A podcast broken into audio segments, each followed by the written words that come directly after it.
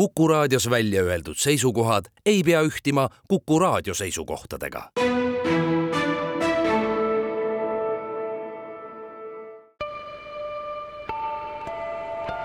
ilmaparandaja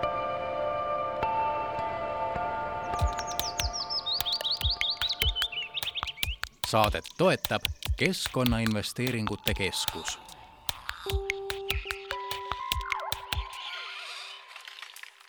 tere, head Kuku raadio kuulajad, kell on mõni minut kaks läbi, on laupäeva pärastlõuna ja eetris on selle nädala ilmaparandaja saade. mina olen saatejuht Mart Valner. nagu kõik kindlasti teavad, siis sel aastal on tulemas juba Euroopa Parlamendi valimised. järgmise Euroopa Parlamendi üks suuremaid küsimusi ja probleeme saab kindlasti olema see, kuidas keskkonnaeesmärgid, majandus ja tööstus omavahel ära siduda Euroopas. aga Eesti Keskkonnaühenduste Koda, Päästame Eesti metsad äh, ja FFF äh, saatsid lähenevate Euroopa Parlamendi valimiste eel erakondadele keskkonnaalased soovitused et eh, millele siis võiks eh, keskenduda, kui me Euroopa Parlamendi platvormid välja toome ja jõuame ka kindlasti rääkida ka sellest, et kahekümne teisel veebruaril ehk siis juba järgmine nädal saavad parlamendierakonnad tutvustada oma keskkonnaplaane ka Tallinna kultuurikatla debatis. aga mida siis Eesti Keskkonnaühendused meie parlamendi erakondadelt ja Europarlamendi kandidaatidelt ootavad, mul ongi hea meel, et minuga on täna seda avamas Eestimaa Looduse Fondi kliima kliimapoliitika ekspert Maia-Liisa Anton, Maia-Liisa, tere päevast! Tere!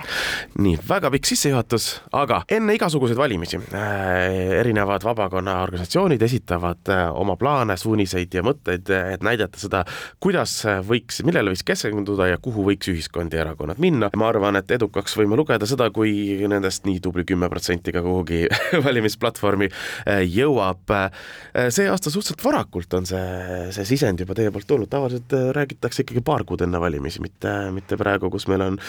mis ta siis meil sada, sada kakskümmend päeva peaaegu. Me tahtsime olla seekord varasemad just sellepärast, et anda sisendit siis, kui erakonnad oma platvorme koostavad sest äh, siis, kui juba erakonnad on oma positsioonid ja programmid valmis kirjutanud, siis loomulikult äh, sinna lisandusi saada on põhimõtteliselt võimatu. et, et sellepärast me otsustasimegi seekord teha seda varem, et siis, kui erakonnad oma sisemisi arutelusid peavad ja tegelikult ju need samamoodi arutelud käivad ju ka nendes Euroopa Liidu taseme nii-öelda koondfraktsioonides ja liitudes, et just sellepärast me seda nii vara seekord tegime okei okay,, arusaadav. no aga vaatame, mida te tahate äh,, mida siis äh,, ma ei tea, mina ütleksin, et kodanikuühiskond, kes äh, esindab suurt osa seda, mida Eesti tavainimene võiks tahta siis äh, Europarlamendi valimistelt. esimene punkt on aidata igakülgselt kaasa Ukraina võidule, mis ei ole äh,, kui sa eeldad äh,, missuguse sisend võiks tulla vabakonna või keskkonnaorganisatsioonidelt, siis äh, ei, ei oota seda esimese punktina. see võib äh, tõesti tunduda mõnevõrra kummaline, aga tegelikult ju, kui me vaatame Ukraina sõda või sõda üldse, siis on keskkonnale väga mitmes vaates väga oluline teema. et ühelt poolt, kui me teame, siis Venemaa kindlasti ei ole riik, kes keskkonnakaitset äh, äh, kuidagigi väärtustaks, ehk et mida suurem võim on, on nii-öelda, mida kaugemale ulatub Venemaa võim, seda selgemalt ju loodust kahjustatakse. aga teiselt poolt kindlasti ju ka sõda ise on väga keskkonnakahjulik. kolmandaks me teame, et Venemaa on oma sõjategevuses ka väga väga põhimõtteliselt võtnud eesmärgiks ka keskkonna kahjustamise. et selle kohta on erinevaid andmeid, et kuidas eh, nii-öelda kas või see Kakhovka tammi õhkimine, et mis on tegelikult üks Euroopa viimase aja suuremaid keskkonnakatastroofe. et kui me niipidi vaatame, siis see sõja mõju nii-öelda otsene negatiivne mõju, aga teiselt poolt ka see mõju, et kui me peame tegema, tegelema sõjaga, siis jääb meil palju vähem ressursse tegelemaks sellega, mis on nii-öelda meile pikas plaanis väga oluline, mitte et et nii-öelda julgeolek ei oleks oluline, aga et miks just seesama nii-öelda tegelikult kiire võit Venemaa üle, et see oht nii-öelda elimineerida, on väga oluline ka selleks, et me saaksime nii-öelda tegeleda nende teiste väga akuutsete kriisidega. et ei läheks suur osa Europarlamendi eelarvest sellesse, et äh, kuidas Euroopa relvatööstust kiiremini tööle saada, vaid seesama summa võiks siis minna nii-öelda Green Deali ja muude selliste plaanide kiiremaks äh, realiseerimiseks jah, põhimõtteliselt küll, et, et mida kauem, et eks see muidugi on selles mõttes väga keeruline küsimus, et et, et kui Ukrainas sõda võita, siis kui pikaks ajaks see rahu tähendab. Et, et tundub, et me oleme ju tagasi selles ajas, et kus selguski, et ajalugu ei lõppenud ja meie lootus, et, et nii-öelda sõda enam pidama ei pea, tegelikult ei ole täitunud, et eks see siin ongi väga keeruline, aga lihtsalt jah, et me peame meeles pidama, et kindlasti Venemaa nii-öelda lähenemine keskkonnakaitsele on miski, mis ei ole kuidagi kooskõlas Euroopa äh, väärtushinnangutega Euroopa väärtushinnangud viimase, ütleme, võtame nüüd praeguse parlamendi koosseisu ja äh, ja, ja, ja selle, kuhu on Euroopa, ütleme, viimase viie aasta jooksul suundunud, siis see on ikkagi ähm, olnud äh, olla võimalikult tugev teenäitaja keskkonnapoliitikas maailmas. plaane on tehtud ikkagi suhteliselt, äh, suhteliselt julgelt, ma ütleksin. Äh, hiljuti tuli ka välja nüüd kaks tuhat nelikümmend Euroopa Komisjoni eesmärgid, kaks tuhat viiskümmend kliimaneutraalsus ja nii edasi, et ega Eestis me ei räägiks sellest, kui Euroopa seda eest ei veaks, väga lihtsustatult öeldes kuidas vabakonna poolt vaadates on see üleüldse, kas Euroopa on liikumas õiges suunas? Euroopa on kindlasti liikumas õiges suunas, aga ma arvan, et äh, nagu sa ütlesid väga õigesti, et äh, Euroopa on oma eesmärkidega olnud äh, suureks eeskujuks, aga see, mida me ju kahjuks näeme nüüd ütleme viimase ühe-kahe aasta jooksul ja just nimelt ka parlamendis toimuvas, on tegelikult see, et kus päriselt midagi tegema on vaja hakata siis seal tulevad suured takistused ette, et kui me mõtlemegi, et kaks tuhat viiskümmend eesmärk äh, kliimaneutraalsus, selle vastuvõtmine oli üsna lihtne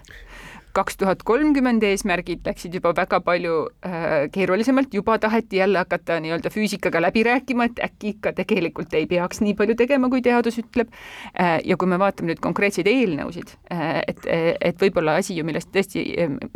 nii-öelda Eestis räägitakse rohkem, et tundub, et Euroopa tegeleb kliimapoliitikaga, siis tegelikult ju Euroopa roheline kokkulepe on väga laiapõhjaline, see ei ole ainult kliima, see on päriselt tõesti ka looduskeskkonna kaitse, selle looduskeskkonna, mida me kõik kõik ellujäämiseks vajame. ja, ja, ja ongi, et kui siin kliimapoliitikas on võib-olla ne, ka nende otseste tegevuste eh, kokkuleppimine läinud lihtsamalt, siis just nimelt selles looduse kaitse osas on ju need kõige suuremad komistused nüüd olnud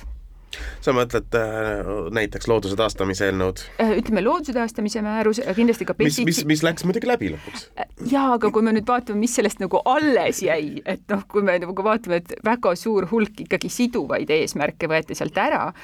siis, siis nii-öelda see on ikkagi nii-öelda äh,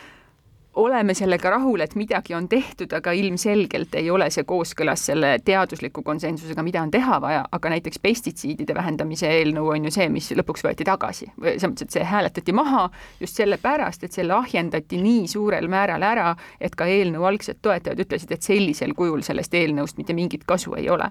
et, et need on küll kaks jah, sellist näidet, et kus ikkagi me ei taha endale tunnistada hästi, et see, mida me praegu teeme, on halb ja kahjulik meile ja, ja et me tegelikult peame muutma seda, kuidas me eriti põllumajandusega tegeleme. kui me vaatame prognoose Euroopa Parlamendi valimistele, siis äh, keskkonnasõbralikumad erakonnad äh, kõikide prognooside järgi kaotavad kohti ja pigem äh,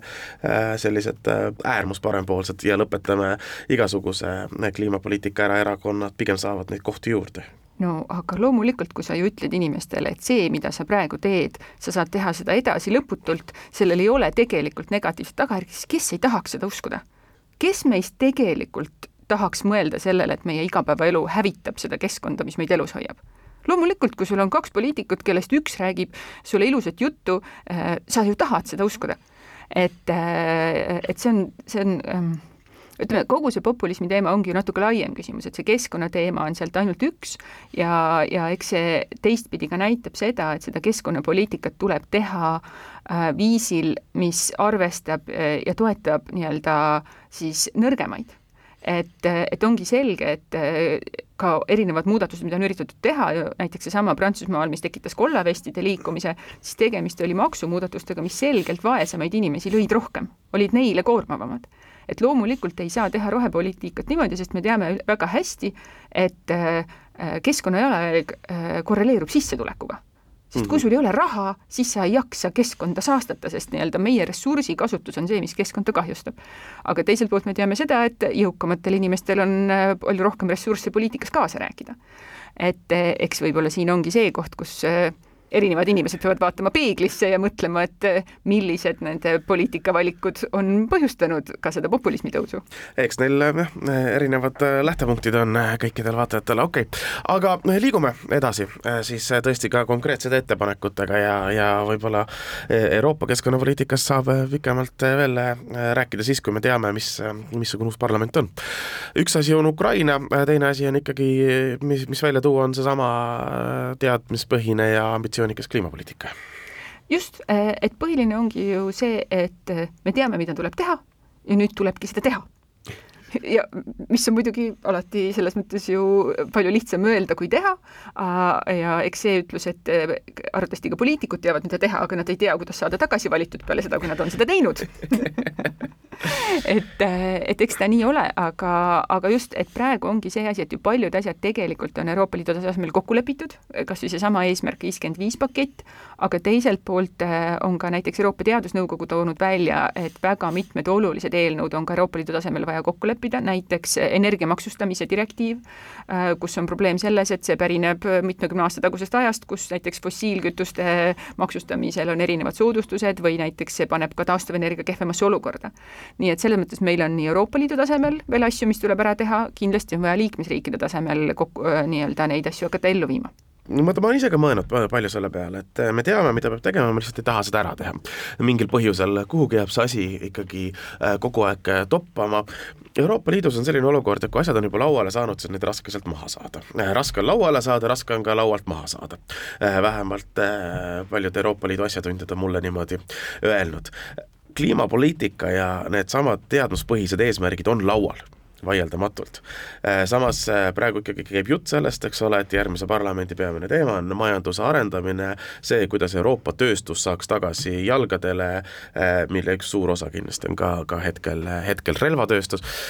et natuke on selline olukord, et okei okay,, et noh, me tegime ära selle kliimapoliitika et see on nüüd tehtud, läheme nüüd järgmise teema juurde edasi. eesmärgid on tehtud, selles ongi ju see küsimus, ütleme, eesmärgid on tehtud, aga nüüd seesama, ikkagi seesama valdkondlike asjade kokkuleppimine, seesama energiadirektiiv, maksustamise direktiiv on kahe tuhande kahekümne esimesel aastal on Euroopa Komisjon teinud ettepaneku ja see ongi sumbunud nüüd sinna koridoridesse, sest liikmesriigid ei taha sellega tegeleda. Et selles mõttes ikkagi äh, nii-öelda, et, et, et seda päriselt, seda rohepööret nüüd teha, seda ongi vaja teha terviklikult ja, ja, ja kui me nüüd hakkame siis, üritame teda teha selles mõttes nagu jupikaupa, et mingid väga olulised pusletükid on puudu, siis see asi ei tööta. Ja, ja, ja selles mõttes ongi, et me oleme natuke olukorras, kus vist tundub, et koera saba raiumine jupikaupa on vähem valus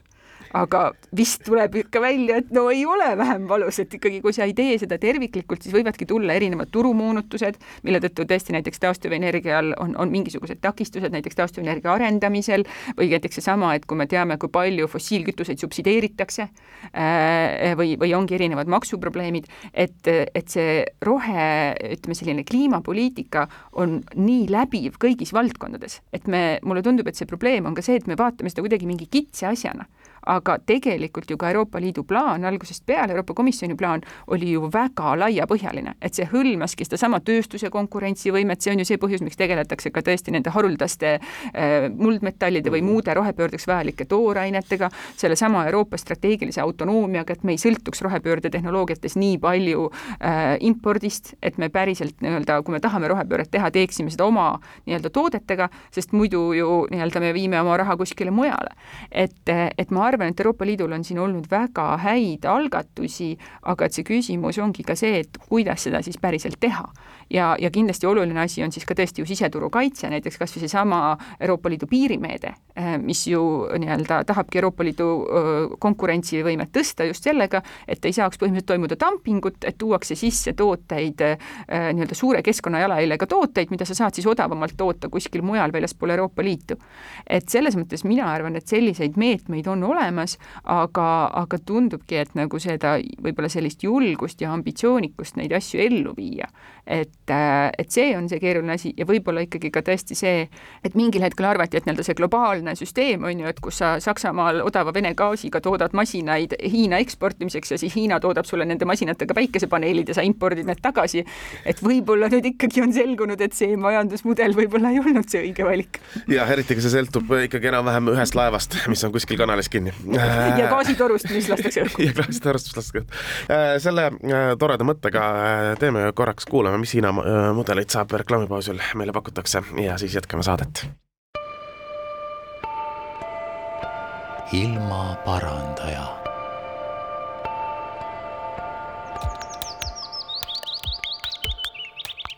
saadet toetab Keskkonnainvesteeringute Keskus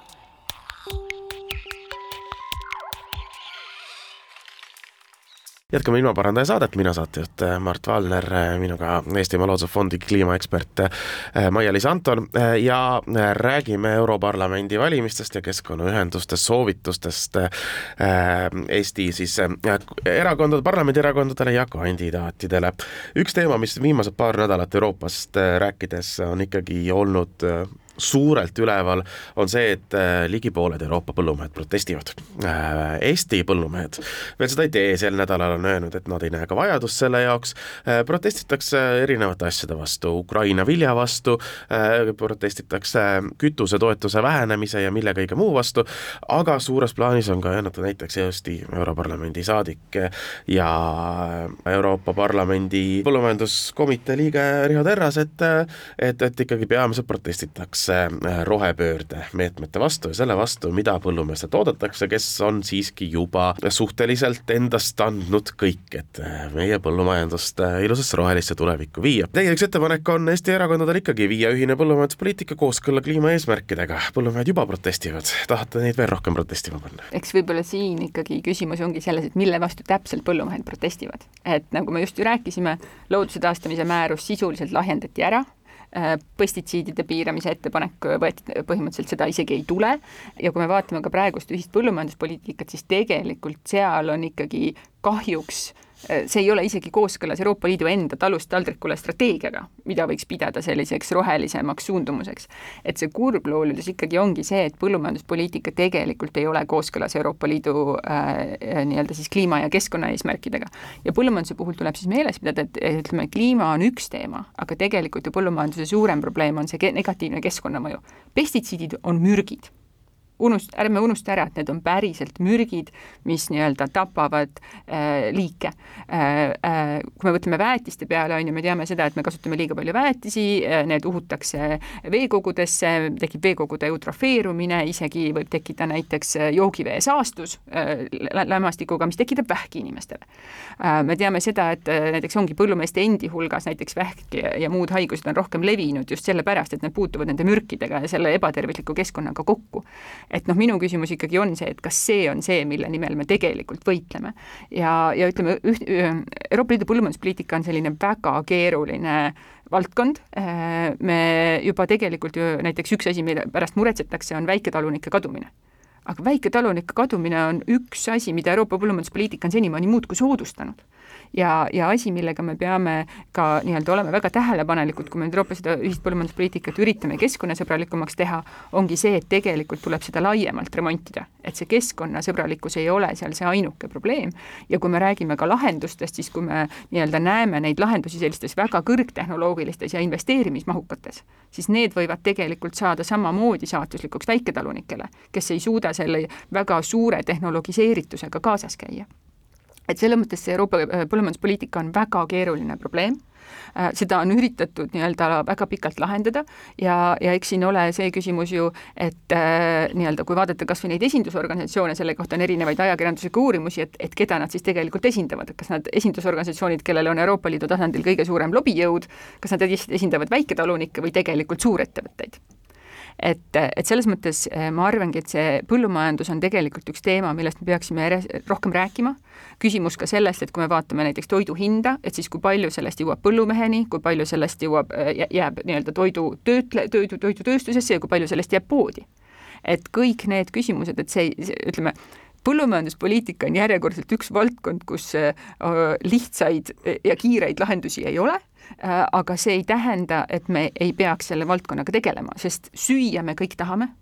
põllumajandus on kliimamuutusest ja keskkonnakriisist väga ohustatud, me näeme seda juba Lõuna-Euroopas, kus näiteks kolm aastat järjest vist on oliivisaagid praktiliselt hävinud või, või kus järjest vähem noh, nii-öelda sul ei ole enam vett, millega põllumajandust nii-öelda teha, et siis et need probleemid on väga suured ja, ja me peaksime neist nii-öelda üritama rääkidagi just nimelt niipidi, et nii-öelda seadma eesmärgid, et me tahame, et meil oleks põllumajandus, me tahame, et see oleks keskkonnasõbralik ja seda on võimalik teha kuidas me seda siis teeme mm? -hmm. no ma luban, et äh, lähikuudel äh, maksimaalselt äh, ma kutsun mõne Eesti äh, põllumehe ka siia saatesse rääkima sellest, kuidas äh, keskkonnasõbralikumaks äh, minna äh, ja, ja mida juba Eesti põllumehed selle nimel teevad. mida Eesti seitse Europarlamendi saadikut saavad teha selle nimel, et Euroopa põllumajanduspoliitika paremaks läheb, eriti mitte midagi võib-olla see on isegi mitte ainult põllumajanduspoliitika küsimus, aga et ütleme, meil keskkonnaorganisatsioonidena oleks kindlasti väga hea meel, kui Eesti äh, parla-, nii-öelda siis Eestist valitud parlamendisaadikud ole, osaleksid nendes komiteedes Euroopa Parlamendis, mis on eriti suure mõjuga, näiteks ongi keskkonnakomitee, meil on hea meel, et Riho Terras on põllumajanduskomitees, et tegelikult ju nii-öelda on võimalik asju ära teha, et kui sa oled Brüsselis, kui sa, kui sa tunned hästi oma riigi olusid, kui sa saad aru Euroopa Liidu poliitikast, siis tegelikult on seal võimalik seda poliitikat mõjutada küll täiesti nõus, ma vaatan aega ja vaatan seda nimekirja, mis mul on ees ja ma saan aru, et ega me ei jõua kõiki äh, kümmet punkti äh, läbi arutada. isiklikult tasemelt mind muidugi huvitab see, et äh, kliimateemadega äh, tegeledes peaks Euroopa Liit vaatama Euroopa Liidust väljapoole globaalse lõuna peale, ehk siis äh, vanasti nimetati arenguriikideks äh, ja toetame nende kliima- ja keskkonnakriisidega toimetulekut. Äh, ma küsin selle standardse küsimuse, meil endal lapsed näljas, miks me neid teisi lapsi aitame? no seda kui näljas on meie enda lapsed võrreldes eh, nii-öelda globaalse lõunariikidega, et võib-olla see nüüd eh, on selline liiga tegemine, et ma just näiteks eile lugesin artiklit, eh, mille järgi Nigeerias maksab riisikilo sama palju kui Eestis. Nende sissetulekud on viis kuni kümme korda väiksemad et kui ikkagi äh, nii-öelda ainuüksi toidu, äh, toidukulu on juba suurem kui inimeste sissetulek ja meil Eestis on ikkagi toidukulu umbes viisteist kuni kakskümmend protsenti inimeste nii-öelda kulutustes, eks see ole muidugi sissetulekugruppides erinev, aga, aga siis me kindlasti ei ole võrreldavas seisus. Äh, ja teiselt poolt ikkagi see küsimus, et nii-öelda kliimamuutus on suures osas meie põhjustatud ajalooliselt, sest meil on olnud võimekus fossiilkütuseid äh, põletada ja meil on olnud siis ka sellest saadav kasu. meie olemegi ju selle abil rikkaks saanud. ja nüüd me siis olemegi selles olukorras, kus tagajärjed jäävad neile. Äh, ja, ja et sellepärast ka meil see kohustus nii-öelda neid aidata ja teiselt poolt on see meie enda huvides, sest kui nemad nüüd hakkavad fossiilkütuseid kasutama, siis see ju jällegi süvendab kliimakriisi või kui nemad nii-öelda hakkavad samamoodi kasu-, kasutama selliseid keskkonnakahjulikke põllumajanduspraktikaid. et meie huvides ongi ju see, see, et aidata nad sellest üle, et nad nagu jätaksid selle meie tehtud vead tegemata ja jõuaksid kohe nii-öelda sellesse taastuvenergial põhinevasse energiatootmisesse, on ju, mis on hajus, mis on inimestele lähemal, mis on väiksemate kuludega ja, ja ka näiteks tõesti põllumajanduses ja muudes valdkondades, et ja see oleks arvatavasti ju ka võimalus Euroopa majandusele. et kui me suudame neid keskkonnasõbralikke tehnoloogiaid toota, siis me suudame neid ju ka sinna eksportida üks huvitav küsimus, mis äh, või selline arvamus, millest, mis minuni jõudis paar aastat tagasi, millele mul on väga raske anda inimlikult õiget head vastust, on see, et äh, kui meil on miljard inimest Indias, äh, kes ütlevad, et aga teie Euroopas oma plaanidega võtate meilt ära õiguse elada nii nagu eurooplased, meie tahame ka kahte autot, kõigil iPhone'i ja tunda vähemalt ühe põlvkonna jagu, et me oleme rikkad ja mõnusa eluga, aga kui miljard inimest nüüd sellises elaksid samamoodi, nagu elab keskmine eurooplane, eurooplane, siis meie maailma taluvuspiirid on ületatud äh, mitte see, see ületarbimise päev ei tule mitte kahe kuuga, vaid äh, tuleb kahe päevaga umbes. aga samas, kuidas me võtame neilt selle õiguse ära? Ja aga see küsimus ongi selles, et, et esiteks nii-öelda jällegi, et see, kui meie oleme teinud midagi valesti, äh, me peame seda selles mõttes nagu tunnistama, et meie nii-öelda tarbimismudelid ongi need, mis on ju ajanud selle maailma ületarbimispäeva sinna, kus ta praegu on. ja teine küsimus ongi lihtsalt see, et mida, et nii-öelda, mis on heaolu ja mis on tarbimine, et me kuidagi oleme ikkagi jõudnud ju sellesse küsimusse, et nii-öelda tarbimine on heaolu. samas meil siin inimesed kurdavad, et nad istuvad autoga ummikutes, on ju, me oleme järjest paksemad, me oleme järjest haigemad äh,, nii-öelda nii-öelda me elame pikemalt, aga meie tervena elatud aastad ei kasva, et seda, et viia inimesteni heaolu, äh, on võimalik nende samade keskkonnasõbralike tehnoloogiatega äh,. nii-öelda suuremat heaolu, aga et lihtsalt see küsimus sellest, et äh, nii-öelda kas see nii-öelda, kuidas meie siin praegu elame, et kas see on jätkusuutlik, noh, see on see küsimus, mida keegi küsida ei taha ei, kindlasti mitte.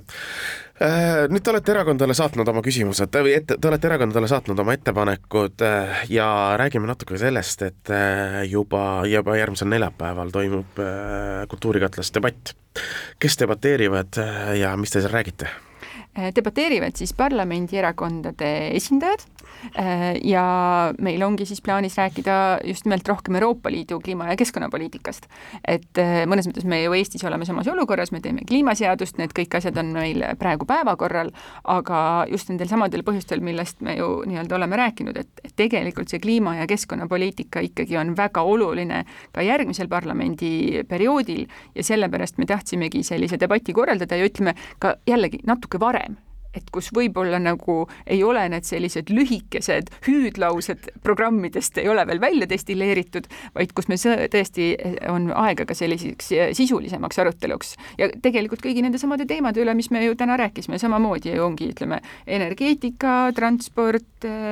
põllumajandus, maakasutus, et ikkagi, kuidas me Euroopa Liidus ja mida me peame tegema selleks, et me jõuaksime nende eesmärkideni, mis on vajalikud nende enda ellujäämiseks. Ma olen ka mõned debatid läbi vedanud vedanud ja, ja, ja korraldanud, kõik era-, kõik parlamendierakonnad ei taha nendel keskkonnadebattidel üldse tavaliselt osaleda, kas teie tulevad kõik kohale? Eh, hetkeseisuga meil on eh, kõik erakonnad lubanud osaleda, ühe erakonna puhul meil veel ei ole osaleja teada, aga, aga õnneks meile tundub, et eh, erakonnad tahavad selle teema üle arutada. see on väga tore on niimoodi varakult al hakata selle valimiskampaaniaga pihta juba, siis saab, varsti on ju iga, iga, iga nädala, igal päeval kellegi korraldatud kusagil mingisugune debatt. no te saatsite oma ettepanekud nüüd erakondadele, äh, saate, tegite ka avalikuks ja nii edasi, kas teil on ka juba mingit vastust, kas teil on tagasisidet olnud? Äh, meil on, äh, me saatsime tegelikult erakondade esindajatele, kes siis debatil osalevad, ka küsimused ja juba esimene vastus on meil olemas. ja me ootame ka teistelt, et just nimelt seda debatti natukene rohkem ette valmistada, et me saaksime ta sisulisemalt pidada, aga laiemalt ei ole meil praegu erakondadelt meie soovitustele vastuseid tulnud. rohepöörde keskel peab olema inimene, see on jutt, mida me oleme rääkinud äh, ka sinuga, kui me rääkisime kliimaseadusest, et selle keskel peab olema kodanik ja inimene. Ja nüüd üks teie viimane oluline punkt äh, on ka see, et Euroopas peaks kogu rohepöörde keskel olema inimene ja kodanik. kas tundub praegu, et inimene ei ole seal keskel, siis miks, miks ma seda ütlen, on see, et äh, vaadates just äh, uut Eesti dokumentaali hiljuti meie metsast, mis on varaküps, siis metsatööstuse lause oli, et vaat keskkonnaorganisatsioonid tahavad seda inimest alati välja võtta kogu sellest diskussioonist keskkonna üle. ma saan aru, et teie keskkonnaorganisatsioonina tahate selle inimese ikkagi kogu selle asja sisse fookusesse tagasi tuua. Ja mulle tundub, et selle varaküpses see küsimus kuidagi oligi see, et nii-öelda, et see lahknevus tundubki olema selles, et mis see inimese heaolu on ja eks see võib-olla ongi see perspektiivi küsimus, et kas heaolu on nii-öelda rohkem raha praegu või heaolu on elamisväärne keskkond meile, meie lastele ja, ja, ja tulevikus. aga see, mida me mõtlesime ka selle kodanike rohepöörde keskmesse asetamisega, ongi see, et üks asi, mida heidetakse ette sellele kliimapoliitikale eriti, et see on kuidagi inimestest kaugel aga see küsimus ongi ju selles, et seda ei ole ka inimestele väga lähedale toodud, et me ju teame, et on võimalik teha erinevaid kaasavaid viise, näiteks ongi rahvakogud, mida on ju ka Eestis juba katsetatud nüüd juba kolmel korral, et, et kui on miski, üks teema, mis on nii eksistentsiaalselt tähtis, siis, siis ongi oluline tuua inimesed ka nii-öelda see inimestele lähedale ja, ja, ja neid teemasid nendega arutada, sest siis tekib ka see omalus või selline tunne, et see ongi meie kõigi ühine asi, mida me ajame. ja kindlasti teine asi on seesama, et, et inimestel oleks siis võimalus nii-öelda, isegi kui need regulatsioonid on olemas, siis ka kaasa rääkida nende elluviimises, et ongi, et kui nad näevad mingisuguseid keskkonnarikkumisi või kui nad, et nii-öelda arutada ka sellele, et kuidas täpselt siis rakendatakse seda.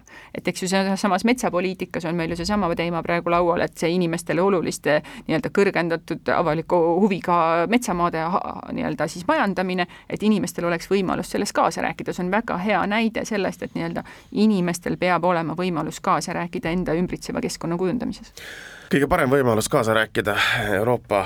kliimapoliitika kujundamises on minna valima keskmisel inimesel, nagu on igas muus poliitikas. Maia-Liisa Anton, aitäh täna tulemast ja neljapäeval, kahekümne teisel veebruaril siis ka Kultuurikatlas esimene eh, rohedebatt juba Euroopa Parlamendi teemadel. jah, ja ootame kõiki aktiivselt osalema ilmaparandaja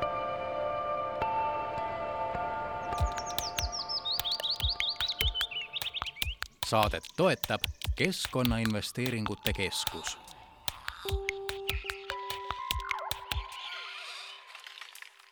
jätkame nüüd ilmaparandaja saadet,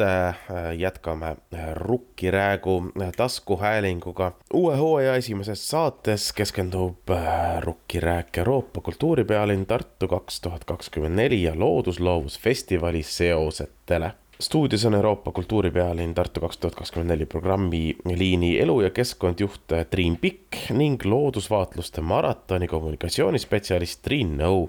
saatejuht on Loodusmuuseumi, küsib Loodusmuuseumi botaanikaaia näituste ja loodushariduse projektijuht Kaarin Hein. Tartu Ülikooli Loodusmuuseumi taskuhäälingut Rukkirääk saab pikemalt ja täisversioonis kuulata ka erinevatest taskuhäälingute platvormidelt.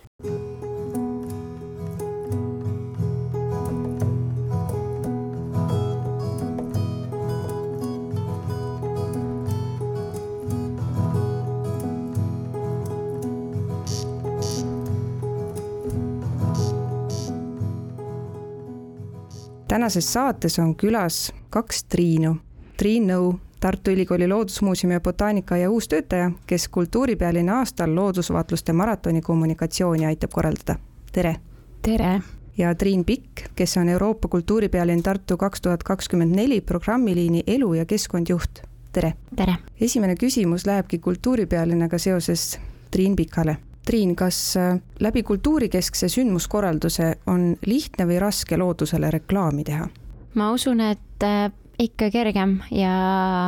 just see, et äh, me ise igapäevaselt, paljud meist teevad neid keskkonnahoidlikke tegevusi juba kodus ja kui me neid sündmustel ka üha enam nii-öelda esile toome või siis räägime läbi, sündmuste keskkonnast, keskkonnaprobleemidest, keskkonnategevustest, siis äh, see jõuab meile paremini kohale ja ma usun, et äh, kõnetab palju rohkem kui olulised on loodusteemad kultuuripealinna kontekstis? Need on väga olulised. jätkusuutlikkus on üks Tartu kaks tuhat kakskümmend neli väärtustest, meil on neid kokku neli ja jätkusuutlikkus siis tähendab nii keskkonnahoidlikku kultuurikorraldust, keskkonnale tähelepanu pööramist kui ka ligipääsetavust. ehk et meie sündmused oleksid võimalikult keskkonnahoidlikud ja ka ligipääsetavad võimalikult paljudele inimestele sellega seoses ühelt poolt me siis pöörame tähelepanu nii-öelda programmiliselt, et meil on terve üks programmiliin neljast pühendatud keskkonna ja kultuuri seostele, ehk siis eh, elu ja keskkond programmiliinis selle katuse alla kuuluvad sündmused just kõnetavadki erinevaid teemasid, olgu selleks siis kliimakriis, bioloogiline mitmekesisus, keskkonnahoidlik mood, jätkusuutlik ehitamine, linnaruum, ligipääsetav linnaruum kõigi nende selliste teemade käsitlemine läbi siis kultuurisündmuse ehk siis kontserdid, näitused, etenduskunstid, mis nendel teemadel räägivad. miks me võib-olla räägime nendest keskkonnateemadest äh, siin Lõuna-Eestis ja Tartus sellel kahe tuhande kahekümne neljandal aastal. Ja miks see võib-olla on oluline ka, äh, on seepärast, et äh, Euroopa kultuuripealinn annab meile väga hea platvormi seda teha, me oleme kogu Eesti fookuses, me oleme kogu Euroopa fookuses sellel aastal. Ja tõsta siinkohal esile just neid teemasid, mis meie tartlaste ja lõunaeestlaste jaoks olulised on, olgu see selleks keskkonnahoidlikkus, äh, jätkusuutlikkus, kultuuriline ligipääsetavus, vaimne tervis, ühisloovus, koostöö. Ja ma just näen eriti väärtust selle keskkonnateemade osas, et rääkida keskkonnast, rääkida sellest, miks on tarvis seda hoida, miks on oluline, kuidas loodus meie vaimset tervist ja füüsilist tervist saab toetada, see on lihtsalt suurepärane võimalus teha seda sellel aastal, teha seda suuremalt kui kunagi varem ja sealjuures ka pöörata võib-olla tähelepanu nendele tulevastele väljakutsetele ja praegustele väljakutsetele, mis meid seoses kliimakriisiga ootavad ja juba on siin kohal. Teeme sellest aastast ühe keskkonnahoidliku ja loodusele ja keskkonnale suunatud aasta. Kas keskkonnateemad on sellel aastal rohkem esil kui varasemate kultuuripealinnade aastatel, et näiteks kui võrrelda ka teiste Euroopa linnadega? Me oleme jah teinud selliseid äh, uuringuid, vaadanud või nii-öelda vaadanud üle teiste Euroopa kultuuripealinnade programme ja mina märkasin esimest korda sellist keskkonnahoidlikku sündmust kahe tuhande kaheksateistkümnenda aasta kultuuripealinna Leeuwarden, mis asub Hollandis, programmis, kus äh, neil oli selline festival Way Out West, kus siis kogu elektrienergia oli toodetud ise ja sealhulgas nad ka pakkusid ainult taimseid valikuid ja see toimus sellises looduskeskkonnas, selline suurem festival ja sealt edasi siis järk-järgult on äh, tulnud äh, see teema hästi tugevalt esile ja kuni selleni välja, et kahekümne kuuenda aasta Euroopa kultuuripealinn Oulu nimetas oma kultuuripealinna nii-öelda sellise loovkontseptsiooni culture climate change'iks. kui meil on ellujäämise kunstid, siis neil on culture climate change. eelmisel suvel toimus Tartus äh, Voices of Culture'i kogunemine, see Voices of Culture on selline kultuuriplatvorm, mis toob kokku üle Euroopa erinevad kultuuriorganisatsioonid, nende esindajad ja selle kahe päeva jooksul siis äh, ja väga paljude töötundide, hilisemate töötundide jooksul me koostasime dokumendi Euroopa Komisjonile, kus on siis ettepanekud, kuidas Euroopa Komisjon oma erinevate meetmetega saaks äh, suunata kultuuri keskkonnahoidlikkuse poole. mina isiklikult koos Kristiina Aavikuga Tartu linnavalitsusest samuti osalesime sellel ja tegime ka omad ettepanekud, sealhulgas ka ettepanekud näiteks selleks, et tulevased Euroopa kultuuripealinnad ei peaks ainult esitama kultuuristrateegiat, vaid võiksid esitada ka linna keskkonnastrateegia siia juurde, et ähm, ma väga näen, et tulevikus me ei saa ainult rääkida sellest, et milline on meie kultuuriline areng, vaid me peame rääkima ka sellest, milline on meie keskkonna äh, areng, sealhulgas ka seda, et kuidas me seda keskkonda selles äh, piirkonnas, selles linnas äh, tähelepanu alla tõstame ja, ja seda hoiame kuidas tundub kõik need partnerid, kes osalevad programmi kokkupanemisel ja panustavad, kui lihtne või raske on neil järgida neid reegleid? Tartu kaks tuhat kakskümmend neli keskkonnahoidlike sündmuste korraldamise juhendit tutvustasime me juba kahe tuhande kahekümne esimese aasta juunikuus ehk siis äh, kolm aastat tagasi varsti. Ja eelmisest aastast alates on see juhend, need põhimõtted ma isegi kutsuks neid nii, kohustuslikud kõigile Tartu linnas toimuvatele sündmustele. ja loomulikult on näha erinevust, on näha erinevust võib-olla pigem regiooni vaatest, et Tartu koos Lõuna-Eestiga kannab Euroopa kultuuripealinna tiitlit ja meie programm on üle Lõuna-Eesti laiali, et võib-olla mõnes mõttes eh, ei ole need teenused või teenusepakkujad regioonis nii hästi kättesaadavad, et kui me räägime keskkonna eh, või korduskasutatavatest nõudest või jäätmejaamadest, jaamadest, kus inimesed saavad liigiti siis jäätmeid sorteerida, et see võib-olla ei ole nii tavapärane regioonis, aga tegelikult kohati ka Tartu linnas. Ja, ja vahepeal on hoopis vastupidi, et äh, Lõuna-Eestis on need sellised keskkonnahoidlikud põhimõtted juba nii juurdunud, nii endiselt alles, et äh, nende jaoks on see kõik täiesti loomulik ja tavapärane. keskkonnahoidlik korraldamine on väga lihtne, äh, ainuke asi, mis meid takistab, on soov ja tahe et seal ei ole mitte midagi keerulist tundub, et nii suure asja puhul äh, pigem inspireerutakse sellest, et on ühiselt ette võetud selline missioon asja paremini korraldada e, jaa, nii on. kultuurikorraldajad saavad iga äh, aasta kaks korda kokku ja seal on siis võimalus jagada ka neid oma kogemusi ja, ja seda, et kuidas siis on läinud. me kindlasti õpime nendest tehtud sündmustest et äh, vahepeal läheb midagi nihu, siis järgmine kord saab uuesti proovida paremini, et need on kõik sellised õppimiskohad, eh, nii positiivsed kui negatiivsed, mida siis äh, saame omavahel jagada ja tänu sellele Lõuna-Eestis korraldada sündmusi keskkonnahoidlikumalt ja olla sellega inspiratsiooniks ja eeskujuks tervele Eestile. Triin, räägi oma ülesandest äh, loodusloovusfestivali raames. Minu ülesanne kitsamalt öeldes on siis viia inimesteni see info, et on toimumas selline põnev sündmus nagu loodusvaatluste maraton, kus siis igaüks saab äh, kaasa lüüa. Äh, kui vaadata sellist laiemat ja pikaajalisemat plaani, siis sõnum võiks tegelikult olla see, et äh, inimesed mõistaksid rohkem seda, et looduse vaatlemine ja sellest teadaandmine võib olla selline tore hobi ja vaba aja veetmise viis, et panustada siis niimoodi äh, loodusandmete kogumisse harrastusteadlasena Triin, räägi palun natuke lähemalt äh, loodusvaatluste maratonist, mis see on, kus see toimub, kes saavad osaleda? loodusvaatluste maraton on formaat, kus inimesed saavad siis kahekümne nelja tunni jooksul kirja panna võimalikult palju eluslooduse liike. Et selle eesmärk on siis äh, kaardistada mingi kindla maa-ala, vaatlusala äh, elurikkus ja see maa-ala peaks siis olema registreeritud selleks, et äh, need vaatlused läheksid ametlikult maratoni vaatlustena kirja.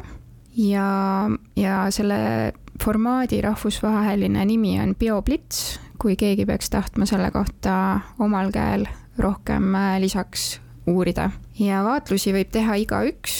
ja vaatlusala võib olla ka näiteks äh, koduaed, kodulähedane park, osa mingist matkarajast. Et selles osas meil erilisi piiranguid ei ole, oluline, et, et sellel alal siis äh, leiduks võimalikult palju looduslikke liike, et äh, päris Tartu botaanikaaeda minna ja sealt äh, pildistada üles siltide pealt liike üles loetada, et, et see ei ole, see ei ole see, mida me ootame ja sel aastal toimub siis loodusvaatluste maraton kaheksanda juuni keskpäevast üheksanda juuni keskpäevani ja kutsume kõiki siis äh, kas registreerima oma vaatlusala või siis äh, leidma endale sobiv äh, vaatluskoht juba registreeritud vaatlusalade hulgast, kus siis saab loodusvaatlusi teha. ähm, loodusvaatluste maraton on ka juba mõnes mõttes võtnud võib-olla sellised omaette väikese festivali mõõtmed, et tavaliselt sellistes avalikes vaatlusalade avalikel vaatlusaladel toimub äh, palju loodushariduslikke sündmusi, äh, on kohal liigispetsialistid, kes aitavad siis määrata taimi, linde, toimuvad siis öised putukavaatlused, kuulatakse detektoriga ka nahkhiiri, et need on alati sellised põnevad äh, sissevaated loodusesse võib-olla, mida tavainimesel omal käel on keeruline korraldada et julgustan kõiki uurima äh, meie kodulehelt programmi, kui see avalikuks saab ja, ja leidma endale võimalus äh, teha loodusvaatlusi või siis osaleda nendel korraldatud loodusretkedel. küsin äh, kohe siinkohal, et loodusvaatluste maratoni nimetatakse ka harrastusteaduse üheks tippsündmuseks Eestis, et mida see tähendab? no see on selline suur äh, tiitel muidugi Tartu Ülikooli Loodusmuuseumile ja botaanikaaiale selle pikaajalise tehtud töö eest ähm, harrastusteaduse vallas. ja harrastusteadus siis äh, hästi üldiselt tähendab siis seda, et äh, tavainimesel on võimalik panustada mingil viisil teadusesse et praeguses kontekstis me räägime siin äh, loodusteadusest ja konkreetsemalt siis äh, elurikkuse kaardistamisest, erinevate elu, elurikkuse liikide äh, ülesmärkimisest ja, ja teadaandmisest, aga see harrastusteadus võib olla ka lihtsalt selline, et, et näiteks sa käid kuskil abis ulukeid loendamas ja oled lihtsalt selles kõnnid lihtsalt äh, metsas ja otsid neid märke ul ulukitest, et, äh, et see võib olla ka väga spetsiifiline või näiteks äh, äh kooreüraskite levikut äh, uurid kuskil oma kodupargis või, või midagi taolist, et, et see ei pea olema reaalselt ainult sellise igasuguste liikide määramiseks. Nii et loodusvaatluste maraton toob kokku eksperdid ja harrastajad ja kõigil, sõltumata nende teadmistest, on siis võimalik panustada teadusesse just, et see on võib-olla selline hea ja turvaline koht, kus harrastusteadusega selles mõttes äh, algust teha, et, äh, et saad natuke infot, äh, kuidas päris teadlased siis töötavad ja siis saad ise omal käel selliseid lihtsamaid asju järgi teha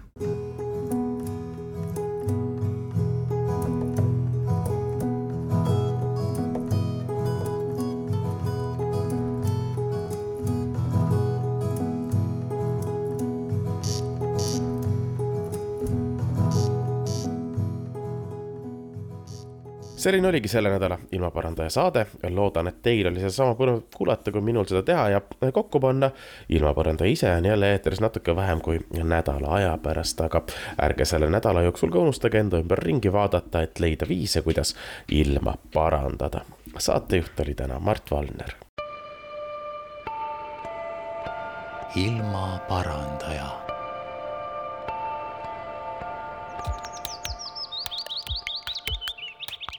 saadet toetab Keskkonnainvesteeringute Keskus